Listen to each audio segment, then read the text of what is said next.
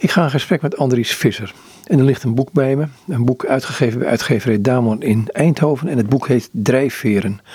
Kierkegaard over angst, liefde, vertwijfeling en geloof.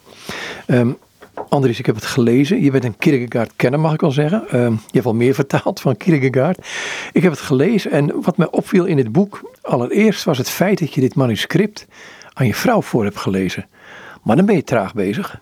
Ja, traag bezig. Nou ja, weet je, voorlezen, dat is iets wat we al heel lang doen.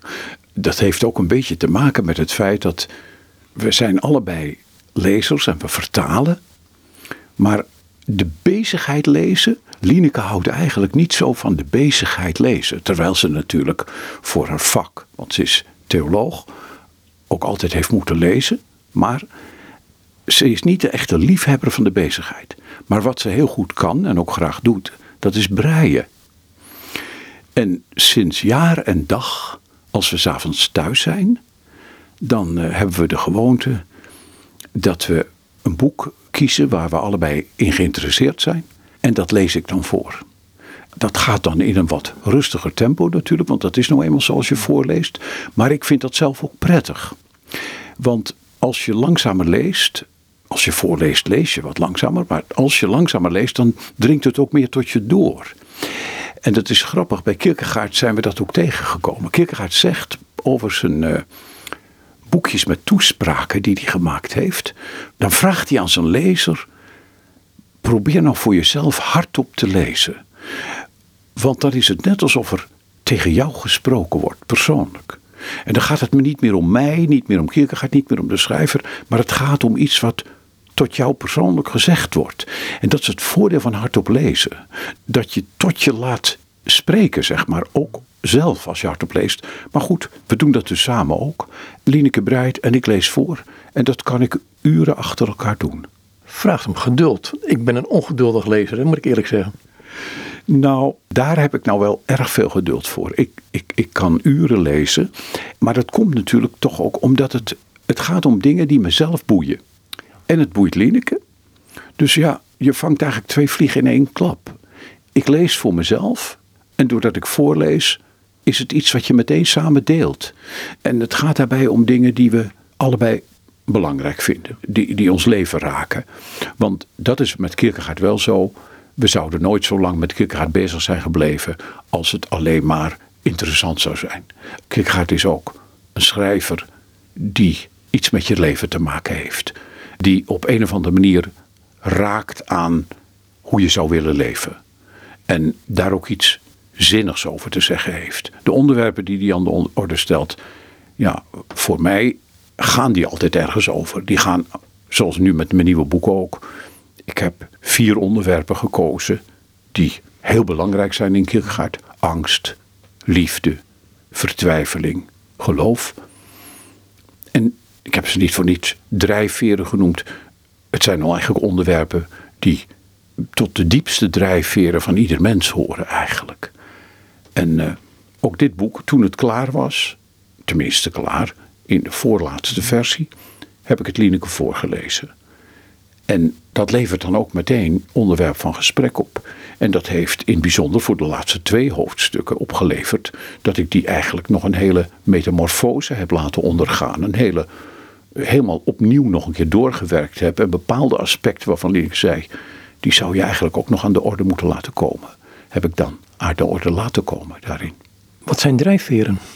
Ja, het was eigenlijk een, een woord wat me ineens inviel. Want ik zocht natuurlijk nog een, een titel die, die vier dingen zou kunnen verenigen. En uh, wat is een drijfveer? Het is al wat je, wat je zegt, hè? wat drijft je? Wat beweegt je? Waardoor word je beïnvloed? Wat zijn je innerlijke drijfveren? Wat zet je in beweging? Waar val je op terug als het erop aankomt? Nou, denk aan angst. Als je aan onze tijd denkt. Als je denkt aan die hele coronaproblematiek. Dan zie je, wat is nou een belangrijke drijfveer van mensen om, ja, om zich toch aan de regels te houden. Om, iemand zei eens tegen me, ja maar ik wil het niet krijgen. Ik wil het niet krijgen. En een ander zei tegen me, ja, maar ik wil niet dood. Oké. Ja, ik zeg dan meteen tegen mensen, maar je gaat wel dood. Want we- we zijn natuurlijk sterfelijk. Maar ik begrijp het heel goed. Zeker in de begintijd, als je die beelden zag. Mensen dachten, dat wil ik niet krijgen. Angst is een diepe drijfveer. En op grond van angst doen we van alles. Maar ook allerlei dingen waar we later spijt van hebben. Een goede vriend vertelde eens. Hij loopt met zijn vriendin op straat. Zij wordt lastig gevallen. En hij zegt, Andries, ik durfde niks. Ik stond aan de grond genageld. En thuiskomend dacht ik, het is gelukkig goed afgelopen, zegt hij. Maar thuiskomend dacht ik, je bent laf. Hij zegt, en toch heeft het me geholpen hoor. Want dat onder ogen te zien van, als het erop aankomt in bepaalde situaties, laat je je zo door je angst beheersen, dat je zelfs je vriendin niet beschermt, zal ik maar zeggen. Ja, dat is natuurlijk iets wat je niet wil. Onder invloed van angst gaan mensen op de vlucht. Of ze gaan vechten. Dus dat beroemde Engels, hè, fight, flight, faint. Hè, dus je, je gaat je drukken. Je gaat op de vlucht. Je gaat in het gevecht. En er gebeuren dingen waar je later spijt van hebt. En dat is heel grappig. In Kierkegaards boek over angst begint hij dan ook met te onderzoeken de relatie tussen angst en het kwaad. Daar zit een relatie tussen. Dat is heel belangrijk, want anders dan ga je al het kwaad de mensen meteen aanrekenen. Nee, je moet ook je gaan afvragen van wat was het drijfveer? Misschien wel angst. En dan word je milder naar mensen als je je dat gaat begrijpen. Maar ondertussen is het dan wel van belang om over angst eens na te denken. Wat is dat eigenlijk? Hoe kan dat een mens in zijn greep krijgen? Nou, dat is eigenlijk de drijfveer van mijn eerste hoofdstuk van angst. Hoeveel van onze daden worden ten diepste door angst gedreven? En hoe zou je daarmee om kunnen gaan? Kierkegaard heeft daar veel dingen over gezegd. Daar zat mijn eerste onderwerp meteen. Maar goed, dan komt de eerste, de hamvragal. Die heb je al geformuleerd eigenlijk, zonder een antwoord te geven. Ja, wat is angst? En hoe weet je dat angst je diepste drijfveer is op een gegeven moment? Want ik kom wel situaties tegen dat mensen dus... Je weet dat ze met een bepaald probleem zitten, daar niet over durven praten. Nou, dan heb je het woord durf al.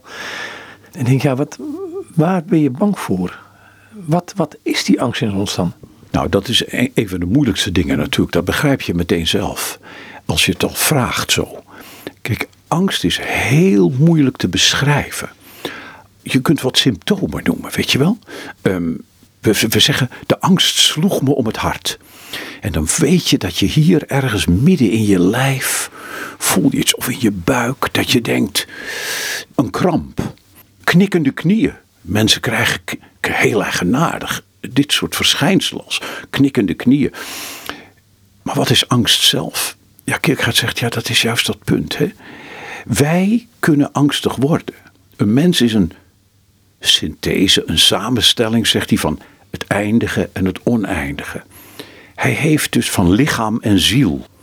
En op dat grensgebied van lichaam en ziel, daar kan die angst zich nestelen.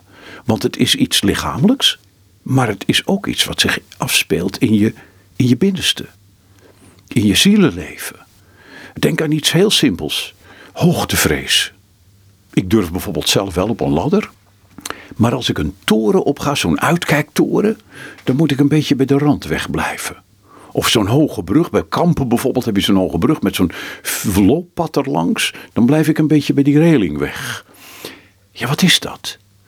Het is iets in je, in je binnenste wat een beetje begint te trillen, zou je haast zeggen. Het is dus een, een, een, een, bepaalde duizeligheid, is het haast. En van duizeligheid weten we, daar is ook weer zo'n zo'n samenwerking tussen het lichamelijke en het zielmatige. En op dat gebied speelt die angst, vrees en angst. Vrees heeft meer een object, hè? hoogtevrees. Dan kun je zeggen, ja, het is angst voor de hoogte. Nou ja, of het nou precies angst voor de hoogte is, het is ook angst voor de diepte. Angst voor die reling. Daar moet je niet te dichtbij komen. En je voelt al aan, vrees heeft dus een object en toch, als je doorvraagt, weet je het eigenlijk niet. Zit het dieper? Zit het ergens in je binnenste? Maar je wordt er wel ontzettend door beïnvloed. Denk aan de tijd weer waarin we leven. Uh, Matthias Desmet, het is een Belgische eh, psycholoog, die heeft gezegd: er is een soort angstpsychose haast over de mensen gekomen. En ze worden er ontzettend door, want je, je wordt er allemaal door beïnvloed. Of gemanipuleerd kun je zeggen. Nou, gemanipuleerd, dat kan. Hè, laten we het zo zeggen. Een, een, een, de mensen die hier belang bij hebben, die kunnen je manipuleren. En daar moet je wel oog voor krijgen. Ik, zal maar zeggen, als je mensen heel bang maakt, dan kun je ze van alles aansmeren. Ook allerlei geneesmiddelen bijvoorbeeld. Farmaceuten zijn er maar al te goed in om mensen eerst angstig te maken voor een ziekte en ze dan allerlei middelen aan te smeren. Dus daar moet je wel je ogen voor open gaan van wacht even. Er is niks tegen geneesmiddelen natuurlijk, denk er goed om. Maar als we eerst bang gemaakt worden en vervolgens van alles krijgen aangesmeerd, dan moeten we wel gaan nadenken. Want dan moeten we denken, wie wordt hier eigenlijk beter van? Dat is een belangrijke vraag. Nou, dus in deze tijd kun je dat eigenlijk in de praktijk zien. En die angst drijft ons dus ook naar de overheid, want die overheid die moet iets doen voor onze veiligheid. En dat is telkens weer, vooral in de afgelopen twintig jaar, herhaalt zich dat. Sinds 9-11, 2001, zie je dat herhaaldelijk terugkomen. Het is natuurlijk iets ouds, wat in de mensheid altijd geweest is. Angst, dan vluchten we naar de overheid, want die moet onze veiligheid beschermen. Maar de overheid kan niet alle veiligheid beschermen. Want het leven is principieel onveilig. En dus speelt de angst op. En dus zullen we ook moeten leren met onze angst om te gaan. Er is nog een ander ding bij, wat je nu noemt. Dat is, ehm, je hebt het over de ziel.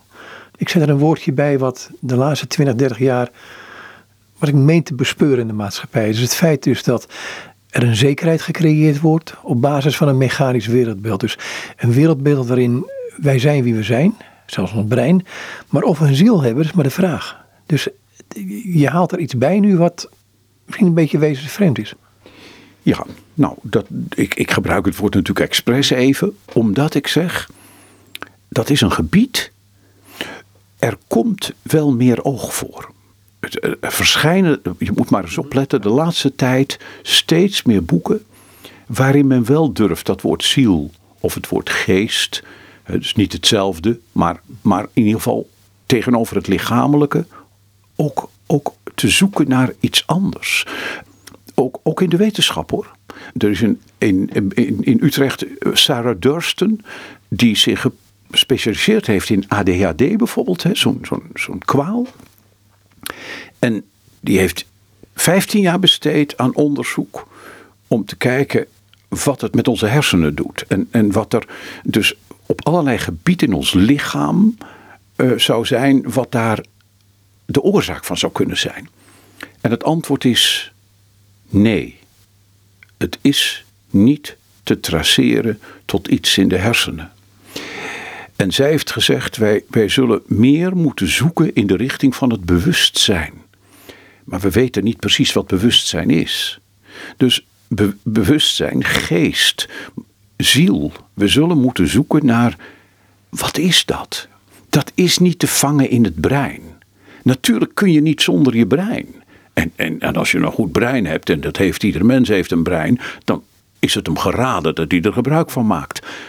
Maar je bent niet je brein. Je bent je hart, je bent je innerlijke leven.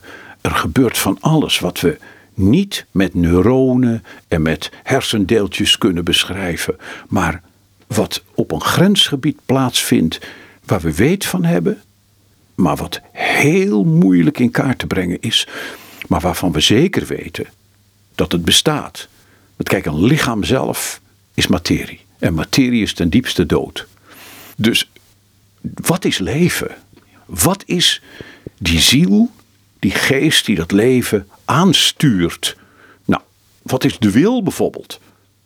Kijk, dat je, niet dat je niet helemaal vrij bent. Sommige wetenschappers zeggen: we zijn helemaal niet vrij. We worden gestuurd door onze, door onze neuronen. Nou, Het tegendeel is waar, weten we ondertussen. Maar wat is het dan wel? Wat is die vrijheid die we kennen? Wat betekent het om een besluit te nemen? Wat betekent het om te beslissen? Belangrijke woorden bij Kierkegaard weer. Nou, dus wij zullen moeten zoeken naar dat gebied, wat ik dus het, dat grensgebied tussen lichaam en ziel, waar wij gaan nadenken over ons eigen innerlijk leven. Want behalve dat we een uiterlijk leven hebben, zoals we eruit zien, zoals we ons manifesteren, zoals we de dingen die we graag doen, de dingen die we goed kunnen. Zo hebben we ook een innerlijk leven. En dat innerlijke leven is minstens zo rijk. En daar speelt zich die drijfveren af waar ik het over heb. Daar speelt zich onze angst af. dan zie je dus op het raakvlak, van, um, en we hebben dit eerder in een gesprek gehad, volgens mij deze materie, um, eindigheid en oneindigheid, maar ook over het willen beheersen. En er zijn onbeheersbare ja, er is een deel van het leven, of grootste deel van het leven misschien wat onveilig is, wat je net zegt, maar ook wat onbeheersbaar is. Maar het willen beheersen, uh, wordt het gedreven door angst dan? Van controle willen hebben over? Nou, dat is natuurlijk heel zeker. Hè. Controle willen hebben over is altijd angst. Alleen, je maakt het je natuurlijk niet altijd bewust.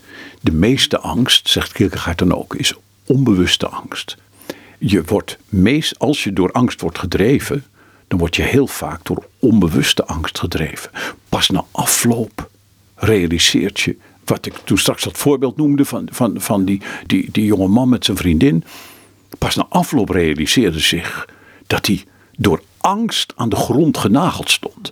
dat hij dus door angst gedreven werd. Op dat moment was hij zich dat niet bewust.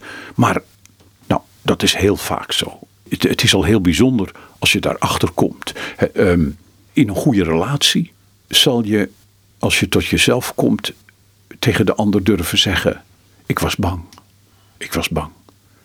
Dat was je op het moment zelf misschien niet bewust. Maar op het moment dat je het uitspreekt, dat is al zo bevrijdend naar een ander toe. Dat hij denkt, ah, dat was het. Hij was bang.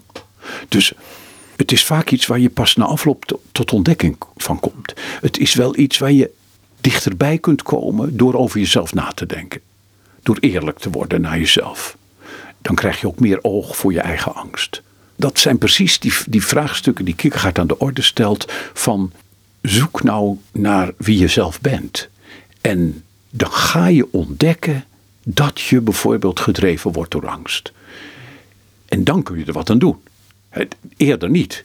Zolang je niet doorhebt dat het angst is. Denk weer aan de crisis waarin we zitten. Zolang mensen niet doorhebben dat ze voor een deel door angst worden gedreven.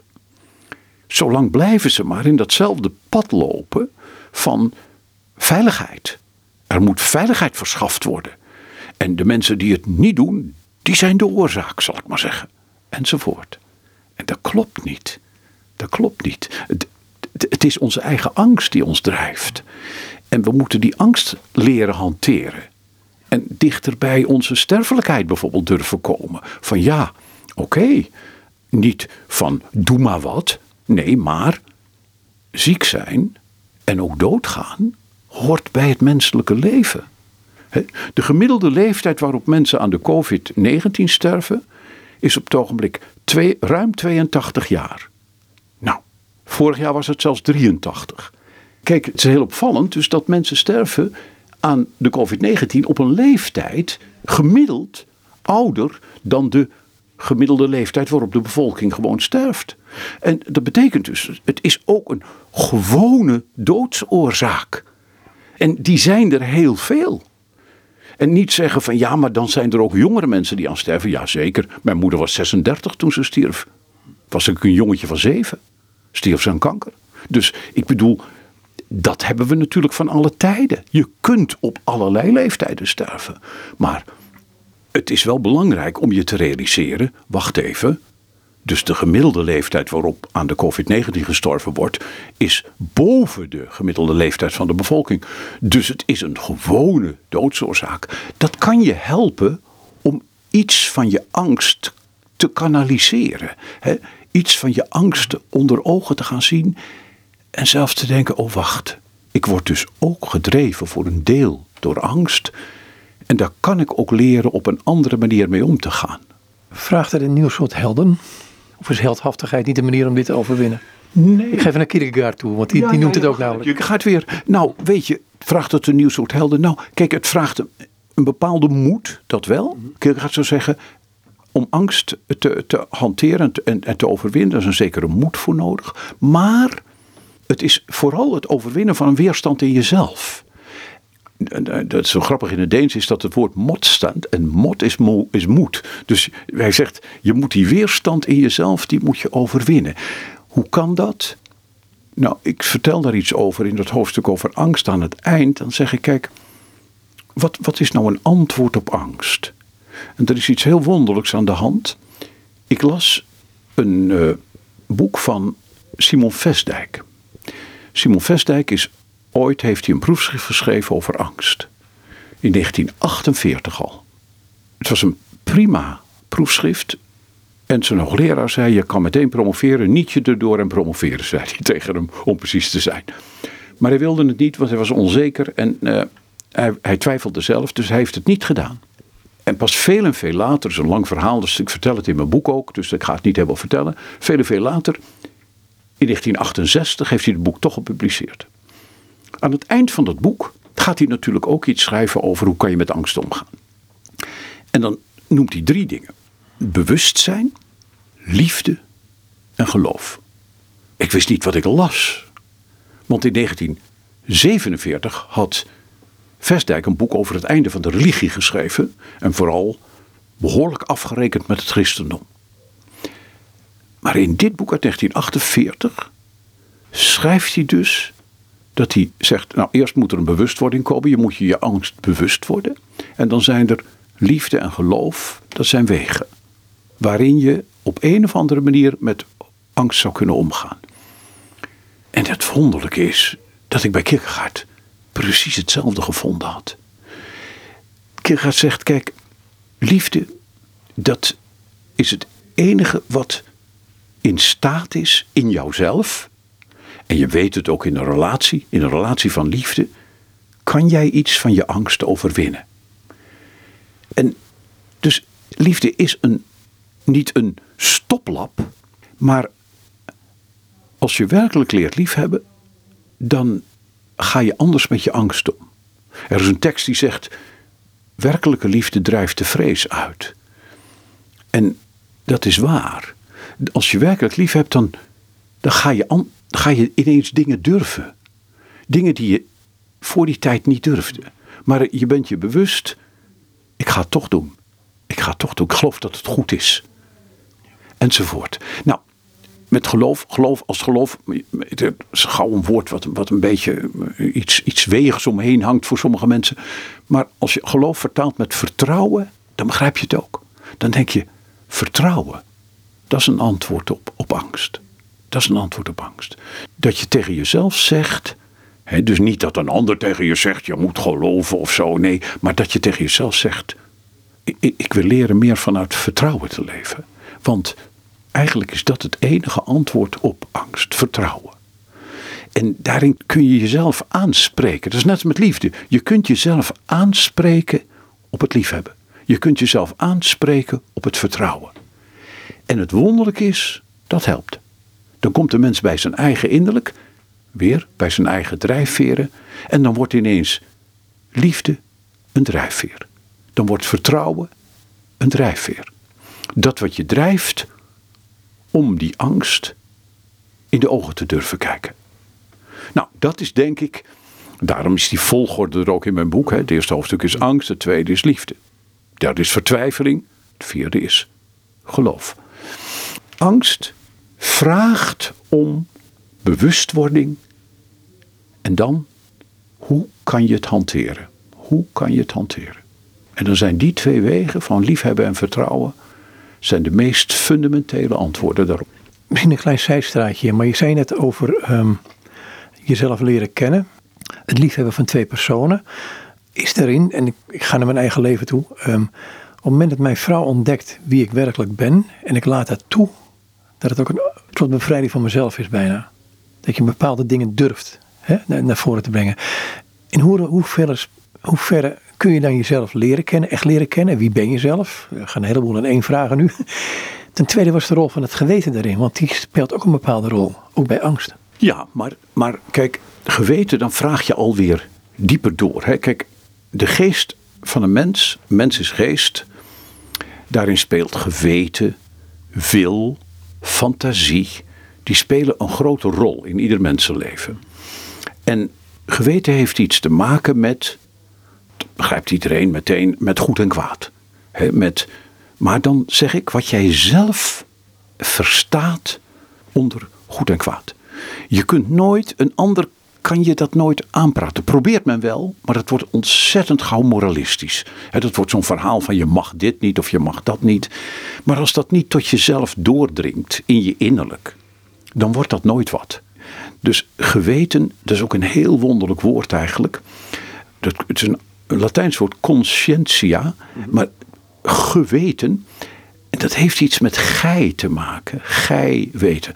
Oorspronkelijk in de taal dus iets met een godsverhouding zelfs. Nou, dat gaat natuurlijk voor veel mensen veel te ver, maar iedereen begrijpt wel dit.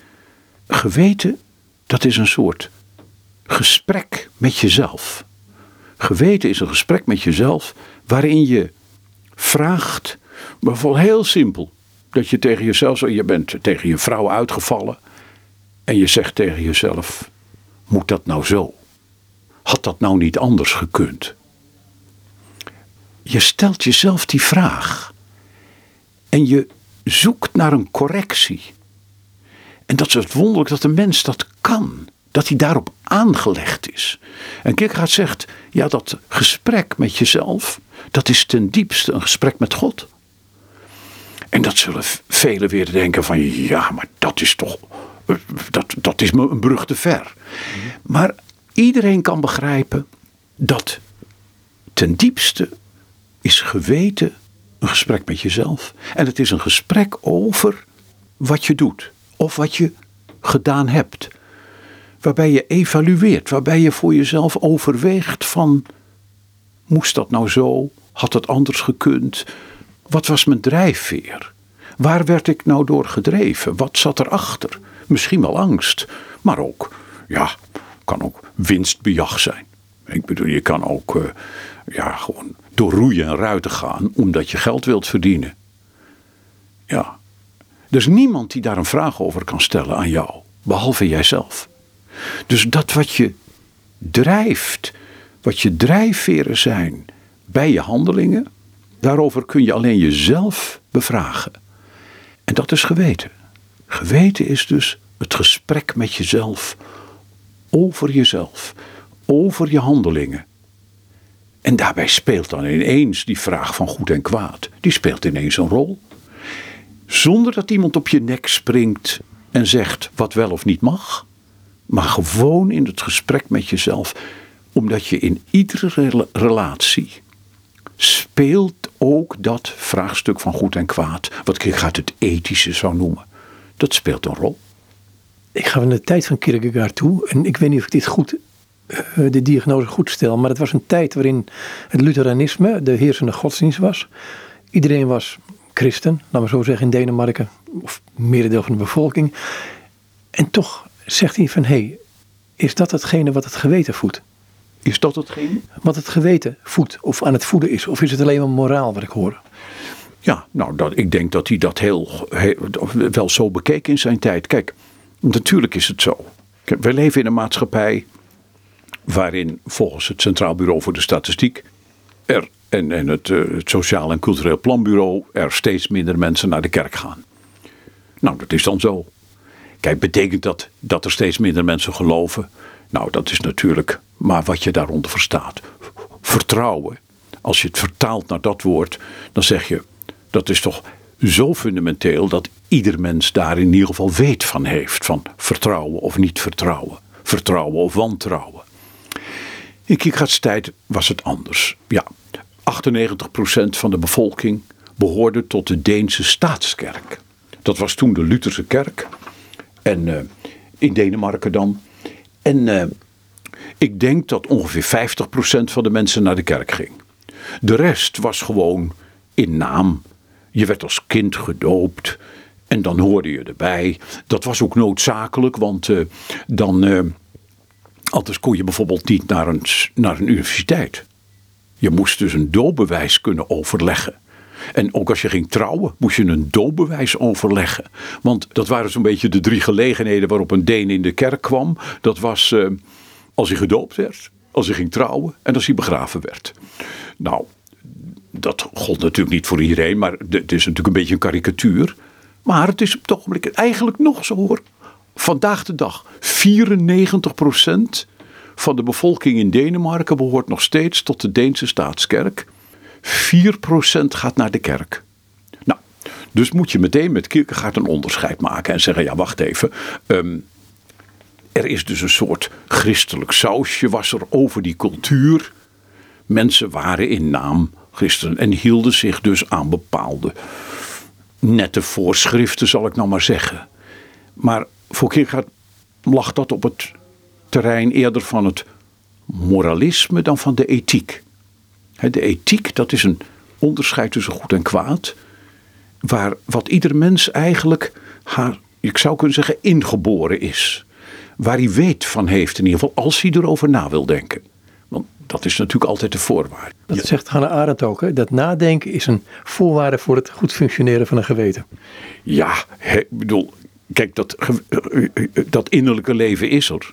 Maar als je nooit over je innerlijk leven wil nadenken, als je nooit jezelf vragen wil stellen, als je daar aan voorbij wilt leven, gewoon omdat je het te druk hebt of omdat je dat lastig vindt, om maar eens een paar dingen te noemen, ja, dan kom je natuurlijk aan die vraagstelling van jezelf niet toe. Maar als je van tijd tot tijd jezelf vragen stelt, je kunt zelfs zeggen, dat zou je eigenlijk iedere dag moeten doen. Iedere dag even voorbij laten gaan. Hoe is deze dag verlopen? En wat vind ik daar nog goed en niet goed aan? Um, wie dat doet, wie dus zichzelf vragen stelt, ja, die komt op die vragen van goed en kwaad terecht, zonder dat hij in dat moralistische terechtkomt, wat heel gauw ook in een christelijke cultuur, waarin mensen toch gaan doen ja, dan is het elfde gebod, het hoort zo, zal ik maar zeggen. Het hoort zo, het elfde gebod. Ja, daar had Kierkegaard natuurlijk niks mee. Het, het gaat om iets wezenlijks. Het gaat dus om werkelijk de vraag naar het goede. En die vraag kan ieder mens alleen zelf aan zichzelf stellen. Maar je zegt het al, hij zat in een christelijke cultuur, een christelijke gemeenschap. Kan het niet leiden tot een bepaald soort spraakverwarring, verwarring, waardoor ze beiden wel hetzelfde zeggen, maar toch iets anders bedoelen? Dat kan heel goed gebeuren. Hij zegt op een gegeven moment zelfs ergens: bepaalde woorden hebben hun kracht verloren, zijn hun werkelijke betekenis kwijtgeraakt. Hij noemt een woord bijvoorbeeld het woord verzoening. Dat was in die dagen in de filosofie een woord geworden. Het heet ook wel deftig mediatie, maar het werd ook als woord verzoening gebruikt. Nou, je begrijpt wel, dat was theologisch ook een belangrijk begrip. Alleen, het was zo verward geraakt en verwaterd geraakt, dat hij zegt: Ja, eigenlijk hebben dat soort woorden een rustdag, of in ieder geval een soort sabbat nodig, zegt hij. Je moet dat soort woorden maar eens een tijdje niet gebruiken. Hij zegt zelfs, hij heeft een boekje geschreven dat heet Wijsgerige Kruimels. En hij zegt, daarin heb ik iets gezegd over christendom. Maar ik heb het woord christendom nergens gebruikt. Ik heb zelfs de, de, dus de, de, de belangrijke dingen van het christendom niet met de woorden die men daar gewoonlijk aan geeft onder woorden gebracht. Waarom? Puur omdat ik dacht, het wordt hoog tijd om het dus met andere woorden te zeggen. Om niet die hele christelijke terminologie te gebruiken, want dat wordt misverstaan. Dus je moet zoeken naar, en dat kan heel fris zijn, zoeken naar woorden die opnieuw betekenis gaan krijgen. Misschien wel dezelfde woorden, maar dan met, met nieuwe betekenis. Of ook zoeken naar nieuwe woorden die werkelijk de lading dekken die je probeert naar voren te brengen. Is dat ook ditgene niet, uh, zijstraatje hoor, ehm, naar dit boekje toe. Ehm, is het niet hetgene wat jij doet in dit boek, Drijfveren? Ja. Of probeer te doen? Nou, dat is in ieder geval wat ik probeer. Ik probeer met behulp van Kierkegaard zelf natuurlijk dichter bij die begrippen te komen. Kijk, Kierkegaard zelf heeft ook. Natuurlijk, hij heeft bijvoorbeeld over de liefde een prachtig boek geschreven. We hebben dat vertaald, uh, Lineke en ik, met, onder de titel Wat de liefde doet. Doet? Wat de liefde doet. Ja, kijk dus niet wat de liefde is. Want Kierkegaard zegt al, als je gaat zeggen wat de liefde is, ja, dan krijg je allerlei antwoorden en het gaat zweven, gaat alle kanten op. En dat kan van romantisch tot het meest perverse wordt eronder verstaan. De nummer 1 hits van de Beatles. Ja, nou, dus, dus, dus zegt hij, ik, ik ga zoeken naar wat de liefde doet. Want liefde is iets wat je doet. Liefhebben is een, is een werkwoord. Dus wij moeten zoeken naar het wezenlijke van het liefhebben. Nou, dat is dus uh, een van de dingen in het boek dat ik zeg van. Maar zelfs dat ene boek, hè, wat hij dus was een prachtig boek van meer dan 400 pagina's over de liefde. Maar zelfs dat ene boek is niet genoeg om over liefde na te denken. Want in dat boek zoekt hij naar, ik zal maar zeggen, het meest fundamentele in de liefde. En dan is voor hem dat de liefde tot de naaste, de liefde tot de medemens. Dat is het meest fundamentele als je alles eraf pelt. De liefde van de geest, zegt hij. Maar er is natuurlijk meer. Er is ook de romantische liefde. Er is ook de erotiek. Er is ook uh, de liefde van de ziel. Er is ook vriendschap. Dus hij heeft in zijn boeken, als het om de liefde gaat, breed uitgeschreven over allerlei vormen van liefde. En daarin gezocht natuurlijk wat is wezenlijk. En daarom heb ik in dat hoofdstuk ook niet alleen maar me beperkt tot het boek Wat de liefde doet, maar ben al die aspecten die Kierkegaard aan de orde stelt in andere werken als het om liefde gaat, van het muzikaal-erotische in Of Of tot de verleider, tot het meest innerlijke, het liefhebben als in een relatie, tot te ontdekken Waar heeft liefde eigenlijk mee te maken? Um, wat is de bron van de liefde? Wat is het eigenlijk wonderlijk dat een mens kan liefhebben? Dat hij dat kan. Wat is dat voor een wonderlijk vermogen in een mens? En dus, wat een wonderlijke drijfveer kan het ook zijn. Maar het is een vermogen. Net als vertrouwen is liefhebben een vermogen. En het is dus een vermogen wat op een of andere manier in die mens gelegd is. Want het wonderlijke is, het is een onderwerp waar iedereen van weet. Nou, dat is iets waar hij over na is gaan denken van. Dus dat betekent, in ieder mens is er een vermogen tot liefhebben. Dat betekent dat ieder mens ook kan nadenken over liefhebben. En kan voor zichzelf kan nadenken, wat betekent dat voor mij? Wat betekent voor mij liefhebben? En dus kan hij zich ook die vragen stellen waar we toen straks op kwamen: van een bepaalde handeling, een bepaald gebeuren, dat wat er tussen jou en een andere mens gebeurde, daarvan kan jij je afvragen: was dat liefde? Was dat van mijn kant liefde? Je kunt over die ander natuurlijk niet, nooit iets zeggen of oordelen, maar over jezelf wel. Over jezelf kun je nadenken en je afvragen: was dit liefde? Was dat mijn drijfveer? Of zat er nog van alles ook achter? En dat is niet erg, hè? denk erom, het is geen moralisme. We gaan niet onszelf veroordelen omdat er ook nog andere drijfveren waren. Maar het is heel goed om jezelf die vraag te stellen. Liefhebben gaat vaak gepaard ook met, nou bijvoorbeeld in een relatie. Kierkegaard zegt, heel veel liefde is ook zelfliefde. Daar is niks tegen. Kijk, in mijn relatie met Lineke speelt voor mij natuurlijk ook een heleboel zelfliefde. Want ik word er ook een heel stuk beter van, dat kan ik je eerlijk zeggen. dus er is ook heel veel, daar heb ik wat aan. Dus er zijn heel veel drijfveren daarin ook. Is, is, is een vorm van zelfliefde. Maar dan niet. Kijk, mensen denken bij zelfliefde heel gauw meteen aan egoïsme. Daar moet je niet aan denken. Ik ga het onderscheiden tussen een positieve vorm van zelfliefde en een negatieve vorm, egoïsme een positieve vorm. Daarom is die opdracht van naaste liefde ook is niet voor niks. Je, je naaste liefde hebben als jezelf. Als een mens niet weet wat het betekent om zichzelf lief te hebben, hoe zal hij dan leren om zijn naaste lief te hebben? Goed, dat is je drijfveren onderzoeken. Ja, dat kun je. Ieder mens kan zijn eigen drijfveren bevragen en onderzoeken. En dat moet hij ook doen. Want anders word je soms blindelings gedreven, bijvoorbeeld weer door angst. Dan zegt hij in dat hoofdstukje over liefde, waar je het over hebt, eh, staan twee merkwaardige begrippen. Eén, daar kan ik me iets bij voorstellen, alhoewel, onbaatzuchtigheid. En het tweede is plicht. En bij plicht denk ik van, hallo? Ik, ik ken zo'n tekst van Paulus als uh, wees elkaar niets anders verschuldigd dan elkaar lief te hebben.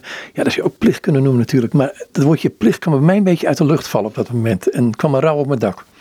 Ja, nou dat vind ik wel leuk. Want ik heb het toch gehandhaafd omdat Kierkegaard op twee momenten in zijn werken daar nogal diepgaand op ingaat.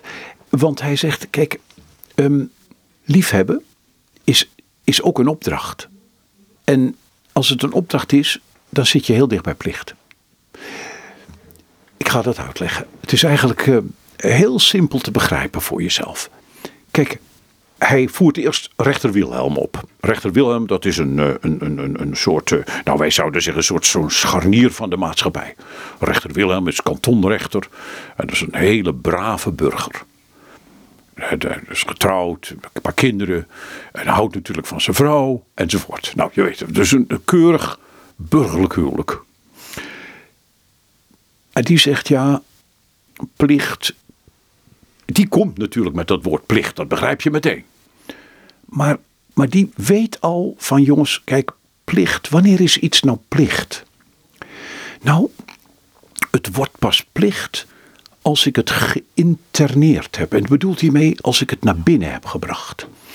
Kijk, zolang, jij, zolang ik zeg tegen iemand: het is jouw plicht om lief te hebben, gaat er natuurlijk niks gebeuren. Hoogstens verzet. Maar als ik tegen mezelf zeg: het is een opdracht om lief te hebben. En dus is het mijn plicht om lief te hebben. Dan heeft niemand daar wat mee te maken. Maar ik zeg het wel tegen mezelf. Kijk, um, Kierkegaard zegt ergens bijvoorbeeld, eh, als u heeft hij een toespraak geschreven over het huwelijk en dan zegt hij, het besluit dat de liefde alles overwint. Hij maakt er dus niet een of andere vrome spreuk van, de liefde overwint alles of zo. Nee, hij zegt het besluit dat de liefde alles overwint. En daar bedoelt hij dit mee. Stel dat je dat besluit, dat je zegt, ik, ik vind liefde zo belangrijk dat ik zou eigenlijk in iedere situatie dat voorop willen stellen. En, en ik neem die beslissing om bij altijd weer naar de liefde terug te keren en te zoeken in mezelf of dat mijn drijfveer is. Nou, hij zegt, dan neem je eigenlijk iets op je. Dan neem, dan neem je een beslissing. Van dat wil ik dat dat altijd mijn gedrag bepaalt. En natuurlijk weet je ook meteen dat je dat niet altijd gaat lukken. Maar het gaat erom, wat is je uitgangspunt? Wat vind je belangrijk zelf? Wat zou je willen? Waar streef je naar? Nou, dat is wat Kierkegaard zegt. En dan zegt hij, kijk, dan is plicht niet meer iets wat van buitenaf op jou gelegd wordt, dat een ander tegen jou zegt, dat is je plicht. Nee, dan is plicht iets waarvan je zegt, ik heb iets als goed gezien. Ik erken iets als goed en ik neem het op me. En natuurlijk betekent dat niet dat ik dat altijd doe, maar het betekent dat het een uitgangspunt voor me wordt. En dan is het iets wat je op je hebt genomen. Dan is het een plicht die je op je hebt genomen. Dan is dat iets wat gewoon in je innerlijk functioneert. Waar je zelf naar terugkeert. Um, waarin je zelf je vraagt: wat was nou ook weer de opdracht, Andries? Oh ja, de opdracht was om lief te hebben. Nou, daar schiet ik in tekort. Maar ik weet altijd weer als ik mezelf die vraag stel: wat was nou ook weer de opdracht? De opdracht was om lief te hebben. Nou, dan kom je dichter bij een positief gebruik van dat woord plicht. Zo wil Kierkegaard. En natuurlijk stuurt hij dat eerst vanuit die rechter Wilhelm. En je denkt: oh jongens, waar gaat dit heen? Maar als hij dan bij de liefde komt, dan zegt hij: onze plicht de mensen die we zien lief te hebben. Dat is een hoofdstuk uit dat boek. En dan bedoelt hij niet zomaar de naaste, maar de mensen die je ziet. En dan bedoelt hij de mensen die je elke dag ziet.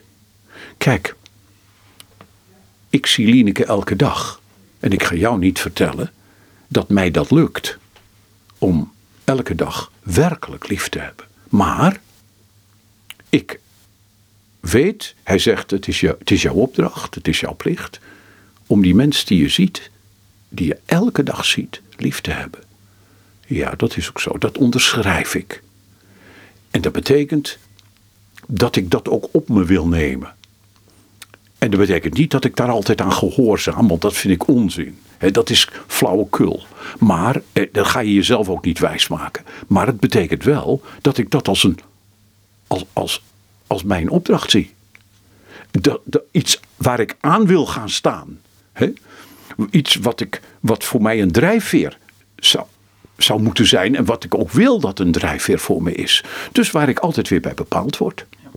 Dat innerlijke. Um, ik ga even terug naar iets wat je eerder zei over angst. Kan overwonnen worden. En je gebruikt het woordje vertrouwen onder andere. Liefde, vertrouwen. Ik kom weer helemaal ook het woordje overgave tegen. Maar het impliceert, en zeker het vertrouwen wil ik vragen. Dat vertrouwen impliceert het niet een, een ander. Want wie vertrouw je of wat vertrouw je dan om die angst te overwinnen? Ja, kijk, dan zijn we al heel snel, schuiven we naar iets van geloof toe. Maar ik, ik zou het toch nog eerst nog fundamenteler willen houden. Kijk, vertrouwen is iets wat, waarvan ieder mens weet wat het betekent. Dat is zo wonderlijk. Daarom is, is, is, is dat woord geloof, moet je ook, als als je het gaat, uh, ook als je het in een woordenboek opzoekt, dan gaat men eerst naar geloof bijvoorbeeld als voorwaar houden. Maar dat kennen we ook gewoon in relatie. Als je zegt, ja, ik geloof Jan, dan bedoel je dat je vertrouwt, dat je gelooft dat, dat wat hij zegt bijvoorbeeld, dat dat waar is. Ik geloof hem. Of als je zegt, we kunnen het nog benaderen, als je zegt, geloof je dat het morgen gaat regenen? Weet je, dus we kennen het heel banaal eigenlijk, dat woord geloof. Maar ook in de zin van, als je zegt ik geloof iemand, in de zin van ik vertrouw hem. En dan denk ik kom je het meest fundamenteel op het spoor. Vertrouwen. Vertrouwen is ook zo'n vermogen, net als liefhebben, wat in een mens gelegd is. Het is wonderlijk dat je dat kunt. Het is goed om daar eens over na te denken voor jezelf. Dat doe je net als met liefhebben. Het, dat het een vermogen is dat je dat überhaupt kunt. Dat je kunt liefhebben. Dat je kunt vertrouwen. Dus dat je in een relatie bijvoorbeeld, in een vriendschap, dat jij die ander vertrouwt. En dat betekent, ook als die ander je eens teleurstelt, dat je toch het vertrouwen hebt dat het goed komt. Dat het goed kan komen. Dat er, dat er voortgang zal zijn. Um, nou, die, dat, die fundamentele beweging in een mens, dat je in staat bent een ander te vertrouwen. Ook vertrouwen te hebben in, nou bijvoorbeeld jezelf. Vertrouwen in bepaalde gaven, bepaalde dingen. Als je goed kunt timmeren, dan, uh, ja, dan, dan, dan ben je je natuurlijk op een gegeven moment bewust dat je dat kunt. Dat, je bent een vakman. En uh, en dus heb je ook vertrouwen in dat wat je gaat maken, dat dat goed zal gaan. Nou, daar speelt dat ook een, rol. Dus dat, vertrouwen, dat is eigenlijk een, een menselijk vermogen. En wat zeg Kierkegaard nou? Ja, dat speelt ook natuurlijk in een relatie naar God. Gods vertrouwen heeft hij het dan over. En eigenlijk weet ook weer ieder mens, ja, dat is een soort vertrouwen in iets wat groter is dan jijzelf. Um, bijvoorbeeld als het om de wereld gaat waarin we leven, dat je denkt, als je zolang je enig vertrouwen houdt dat deze wereld niet alleen maar door ons mensen geregeerd wordt, maar dat er ook nog wat anders op de achtergrond van deze wereld speelt. Als je daar iets van dat vertrouwen kunt houden, dan leef je anders, in deze, ook in deze tijd. Hè, waarin dus van alles op ons afkomt. Maar dan, dan leef je vanuit een, een, vertrouwen van, ja, maar het loopt niet uit de hand. Het loopt niet stuk. Ja, dat is natuurlijk, dat is voor gaat ook een, een, een, voor je eigen leven. Maar het is een, een godsvertrouwen. Maar vertrouwen is dus heel fundamenteel. Fundamenteel als vermogen is het een menselijk vermogen wat in iedere relatie speelt. En ook weer, net als met liefhebben, het is iets wat je meebrengt. Dat is de kracht, als je gelooft dat een mens vertrouwen kan, dan is dat iets wat je meebrengt.